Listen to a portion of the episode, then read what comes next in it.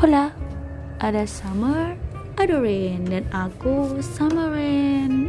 Halo.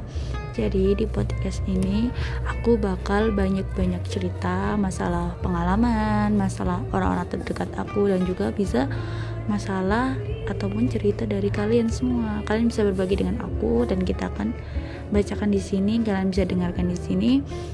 Jadi dari pengalaman dan cerita itu kalian bisa untuk um, ya memecahkan masalah kalian juga bisa ataupun juga bisa jadi pembelajaran kalian bila suatu saat kalian juga mengalami hal tersebut.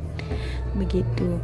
Jadi diambil positifnya aja di sini yang negatifnya dibuang.